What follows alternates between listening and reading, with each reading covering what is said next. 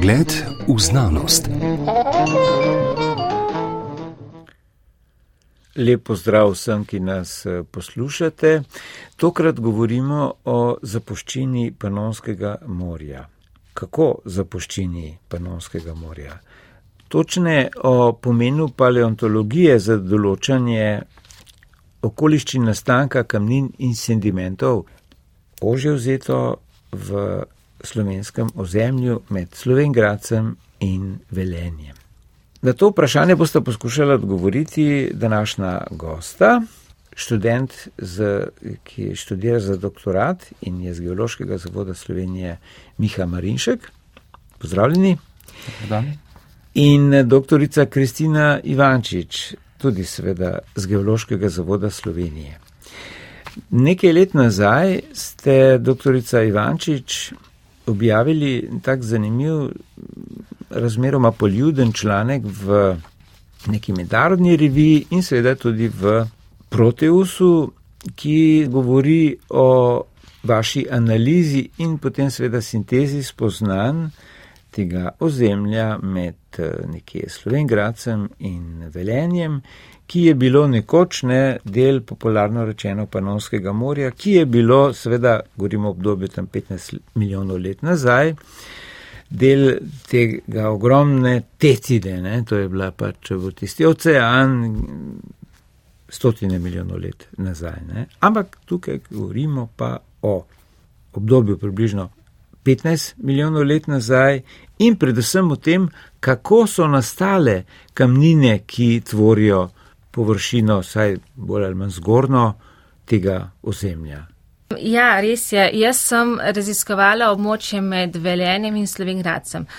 Kot poznamo, sedaj je to območje izredno hribovito, ampak pred približno 15 milijoni let, 14 milijoni let pa temu ni bilo tako.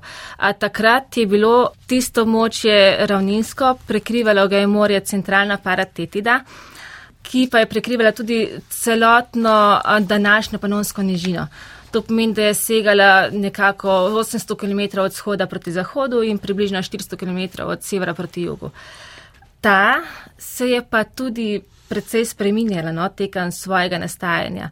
Pač nastala je iz, z razpadom mezozojskega oceana Tetide in sicer zaradi delovanja litosferskih plošč, ker so le te so aktivne pač v našem primeru imamo seveda ta um, afriška litosferska plošča, ki rine proti severu, potem evrazijska plošča in umestna um, jadranska mikroplošča, mm. ki pač ima svoje rotacije, svoje premike in vse to pa vpliva na razvoj tako današnjega slovenskega prostora, kot tudi na um, razvoj posameznih delov znotraj -hmm. manjših območij. No, ko ste omenili te tri osnovne, eh, saj tukaj nam bliže plošče, nedavni potres v Turčiji in Siriji je bil pravzaprav nekje približno na stičišču teh treh.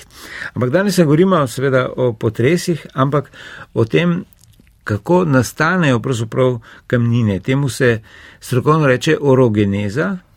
To, kar se vidi, torej to, kar se vidi na tem območju ne, med Slovengradcem in Velenjem, zdaj hribovitem območju, poraslem tudi za gozdovi, kot ste napisali v svojem članku, v Proteusu, takrat bi se pa praktično lahko sončili ob tem plicem morju in toplem.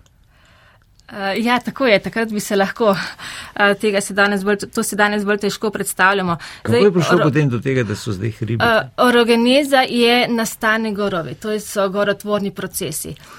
In ra ravno to premikanje teh plošč in trg plošč eno v drugo povzroči dvigovanje.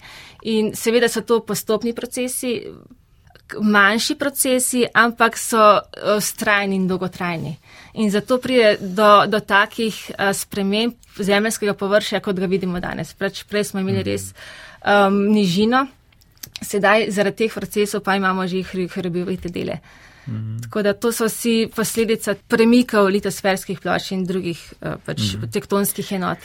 Zdaj, danes nismo še toliko govorili o letih, razen pač umembe teh 15 milijonov, ne? kar je, glede na radiometrične podatke, ki kažejo, da je Zemlja stara tam 4570 milijonov let, kar je po domače rečeno skoraj 5 milijard let. Ne? In zdaj, seveda, 15 milijonov je, ne, pač geološke dobe so, da ne govorimo o trajanju dolgosti življenja živih organizmov, ki so se pojavili tam v, šele v zadnji milijardi let, ne, in tudi izumirali v zadnje dobre pol milijarde let. Ne, poznanih je teh The Big Five, torej pet velikih izumiranj. Ampak Miha Marinšek, uh, kako bi vi ponazorili torej, teh 15 milijonov let tukaj med velenjem, sedanjim velenjem in Slovengradcem je bilo takrat uh, tako, so bile plaže, so uh, možno sončene, seveda sem ljudi ni bilo, da bi to počeli.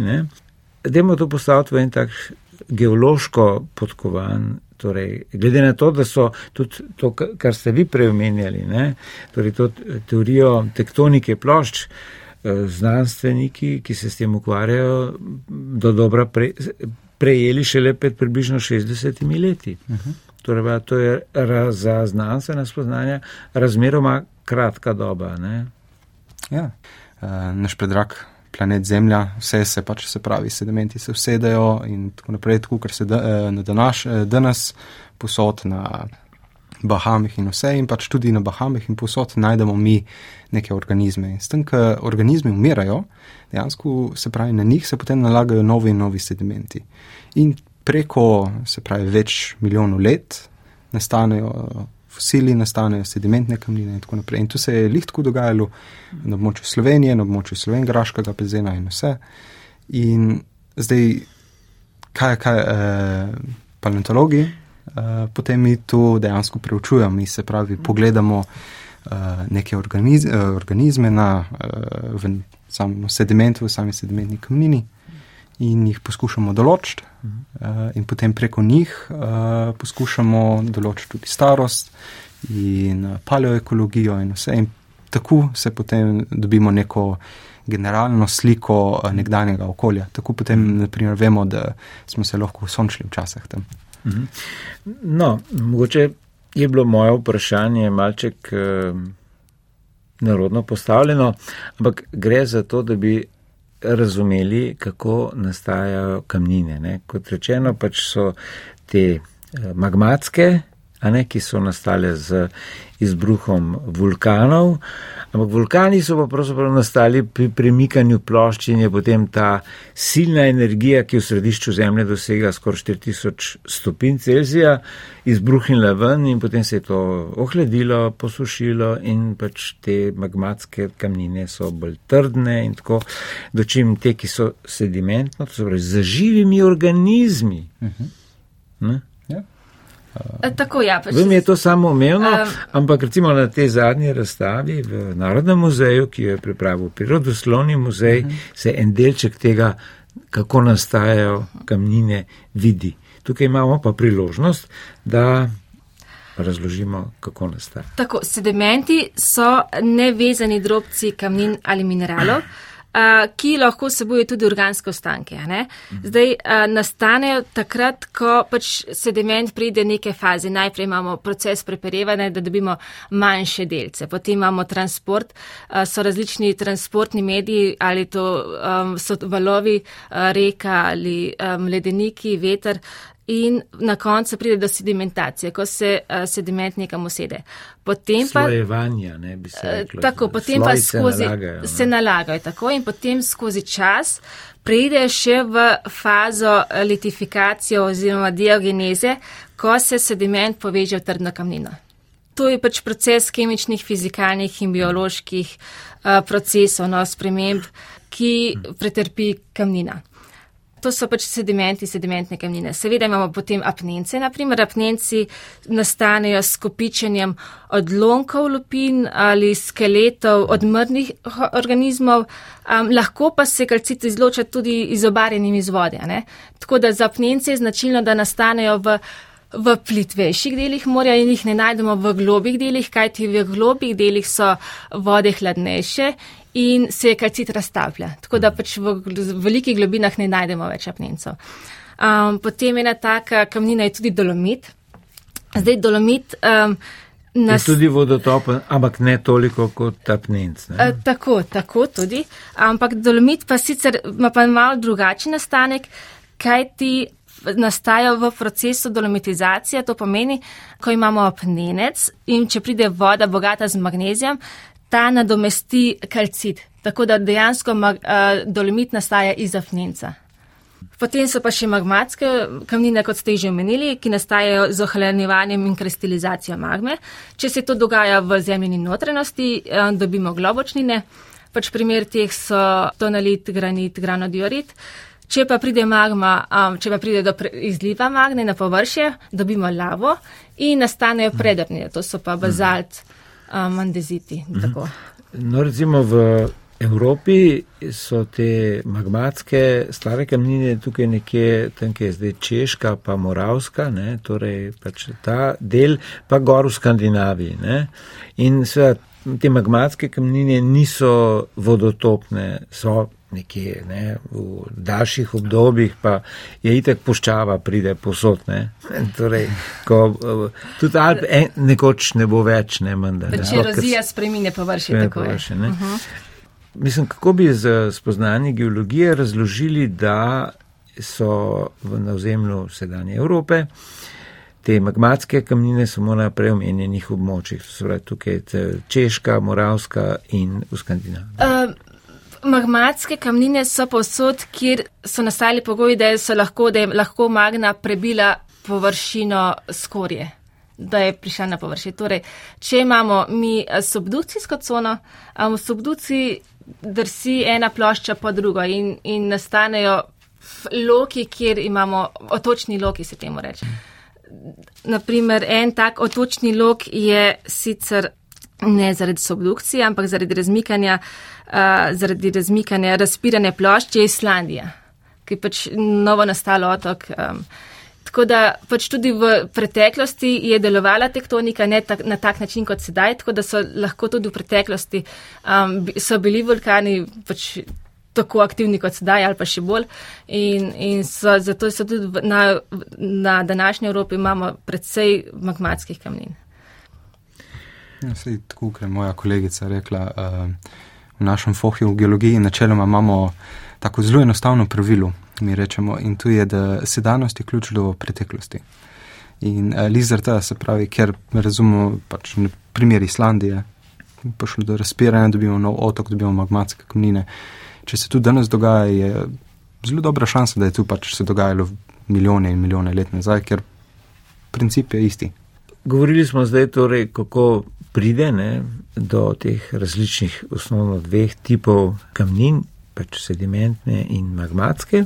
O pomenu paleontologije, ne, to se pravi določanja kamnin po odmrlih fosilih, ne, sploh sedimentne so značilne, ne, ampak zato obstajajo neka pravila. Ne. Vi seveda ste morali biti tudi poznavalci pač teh starih odmrlih organizmov in v kontekstu tega, kar sem prej nakazal oziroma omenil, pet velikih izumiranj. 15 milijonov let, ne zadnje veliko izumiranje je bilo pa, ker ti smeterud počel v zemljo približno 65 Tako milijonov je, let nazaj. Ne na Jukatan in potem povzročil tisto, kar je povzročil, ker par let ni sjalo sonce, ne, ja. skozi tisto oblak eh, materijala, ki se je nabral v zraku. Kako bi se dalo povzeti to metodo določanja pač starosti? Eh, najbrž obstajajo neke konstante in neke dinamične ja. danosti pri določanju. Ne? Tako, tako. Zdaj, uh, kot sem prehodno, samo da se tole kamnine nastane, da se useda in pač imamo nek uh, organizem, ki je takrat obstajal je umrl in se fosiliziral. No in če izhajamo iz tega, dobimo pa potem princip biostratigrafije.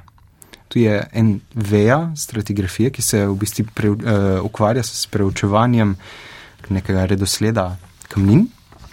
No in mi, kot biostratigrafi, kot, kot paleontologi, uh, naše delo je v bistvu preučevanje teh fosilov v določenih kamninah, v določenih starostih, uh, da preko uh, se pravi prepoznavanja njih dobimo mi starost. Zdaj, kako dobimo dejansko to starost? Ko ste dobili 15 milijonov. Tako, let, no. Ja, naprimer, večina ljudi takoj asocira naprimer, datiranje z oglikom. A pa naprimer, uh, 14, tako, naprimer, tako, a pa naprimer datiranje se z uh, stroncem in tako naprej. Mhm. Zdaj, kle pride problem, zaradi tega, ker datiranje z oglikom je samo do neke določene ja. starosti. Ko govorimo mi o naših starosti, se pravi 5-10 milijonov let, že odpade. Že, že odpade. In zdaj tudi za stroncijo je načeloma tudi doskrat uh, zamudna lahko, pa draga metoda in vse. In potem se pa mi poslužu, poslužujemo uh, biostratigrafije, mi rečemo, da je to bolj konstantna tako, kategorija. Tako, uh, se pravi, pač klasificirana. Ne? Tako, se pravi, uh, ta datacija se stroncijem da neko točno v navednicah starost. Uh, mi damo pa potem relativno starost, se pravi, damo naprimer Tu je od, zdaj sem zmislil, od uh, mm. 5,4 milijone let pa do 5,3 milijone let. Naprimer. In tu vemo, zrte, ker za tisto obdobje so obstajali neka združba fosilov, tako kot naprimer danes uh, obstajajo, um, lahko rekli, ta pa ta uh, vrsta ptice, a pa ne vem, so vrabec, siniče in tako naprej. No, jih tako imamo pač včasih, naprimer. Uh, uh, ko mi prepoznamo to združbo, vemo, aha, ta se je pa pojavljala samo v tem pa tem obdobju, preko tega, da potem, naprimer, naslednja kamnina, ko pogledamo, ne, nima več teh fosilov, vemo, kje je neka bila sprememba. In dejansko potem vemo, ok, tu je taka pa taka starost. In potem uh, za, nas, za naslednjo analizo, za naslednje, naprimer, kamnine ali pa pač starosti, vidimo, klepa je že neka nova združba. In klepa prijemam potem, uh, če se smem navezati na vašo uh, omembo, pet velikih izumrti, ker ponovadi neke, raz, uh, neke uh, spremembe v okolju, v sami klimi, tako kot se naprimer danes dogaja, uh, v neke tektonske spremembe in tako naprej, prije do nekih izumrti. Tu ni mus, se pravi, vem, v roku enega tedna, govorimo lahko več deset tisoč letih. Ali uh, ali več. Milijonih. Ali milijonih. Tu je naprimer eh, vprašanje enega izmed velikih, ki je Perem Trias, v katerem je zamrlo približno 95% vseh vrst na našem planetu. Eh, se ne ve, ali je bilo tu neko hip, hipno, ali je bilo tu mogoče preko ne, dveh, treh milijonov let. Kristina Ivančič, eh, no, v tem vašem članku, ne, pač ko ste seveda tudi na podlagi paleontoloških spoznanj, torej analize fosilov v zemljini oziroma pač tem območju med Slovengradcem in Velenjem. Kakšna fauna in flora je takrat, bi se dal to povzeti, obstajala? Tako, jaz sem med Veljenjem in Slovengradcem smo, smo delali, uh, pač čas smo določili starost na podlagi nanoplanktonskih združb. Lahko rečem, da je bila takrat topla klima, relativno toplo morje, morje na podlagi pač prejšnjih milijonih let, ki je bilo hladnejše, zdaj hm. topla klima, to pomeni, da je bilo morje imelo od 17 do 23 stopinj. Točno katere živalske vrste rastlinske smo imeli, naprimer na kopnem, ja, tega se, tega res, niso, kamnine niso pokazali, tega no, kamnine ne pač pokazali. To, kar so pokazali uh, fosili najdeni v kamnine. Tako, živeli so iglokošci, ješki, uh, potem imamo razne, razne rdeče alge. Pač v morju je bilo kar pestro življenje, zdaj ne ravno pri nas, ampak v druge, v slo, drugih okoljih Slovenije no, so živeli tudi morski psi, dobili smo tudi zelo morskega psa, ne tukaj, ampak druge. Tako da je bilo pač morje kar polno no, živih biti.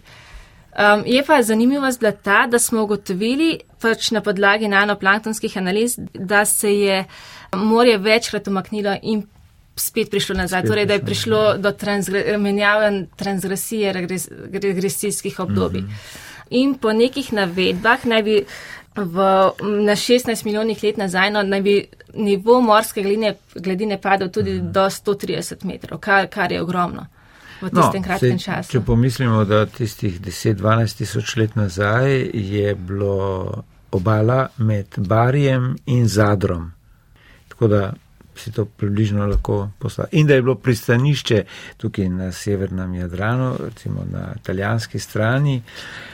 Oglej, Aquileja je bilo pristanišče tam še 2000 let nazaj, še manj, ne, pač, ker je to potem propadlo šele v sredi prvega tisočletja. Ne.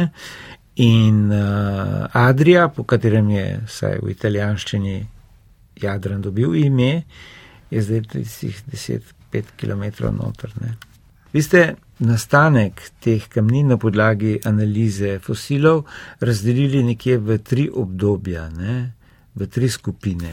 Tako, um, prva skupina je bila obdobje Karpatija to, pač, eh, to je bilo nekje 17 milijonov, ne? ja, 17 časovne, tako počasovne, 17 milijonov let nazaj, potem pa še dva obdobja v Badenju, torej ne bo nekje 16 in ena 15 oziroma 14 milijonov let nazaj.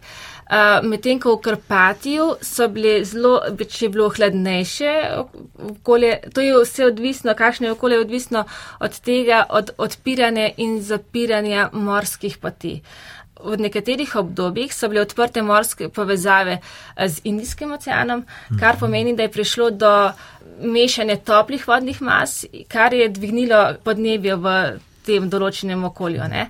V drugih obdobjih pa je prišlo do mešanja um, tople mediteranske vode in naprej še hladnega Atlantskega oceana, kar je pa je pomenil ohlajanje območja. Tako da to je zelo pomembno vplivalo na izmenjavo in živalskih vrst in seveda na obstoj in pač razlike, ki so se potem delale v, sami, v samem življenju, no? živalskih in rastlinskih vrstah. Kakšna je bila pa širša okolica, torej recimo sedanja Slovenija, seveda, ker meje pač, ki so politične, nimajo prav velike povezave z naravnimi mejami. Ne? Ja, res je, ja. pač um, geologija ne pozna mejane.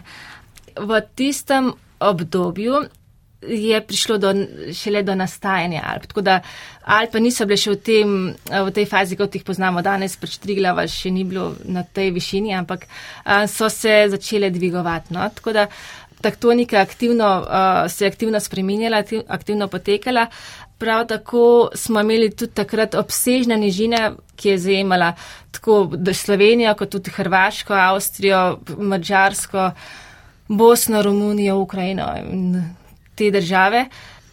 Ampak zdaj ostanka te centralne paratetide danes ni več. Pač bazen se je zasul, voda je odtekla. Ampak ostanki te paratetide.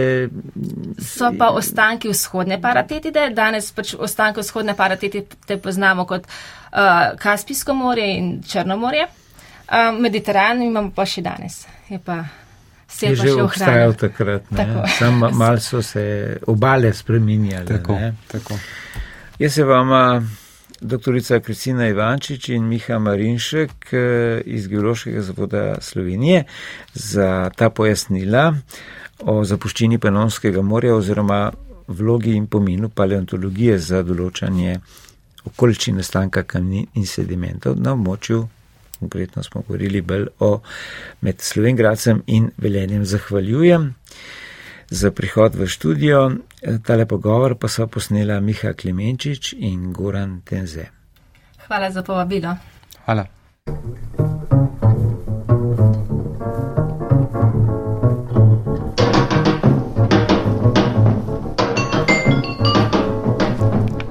Pogled v znanost.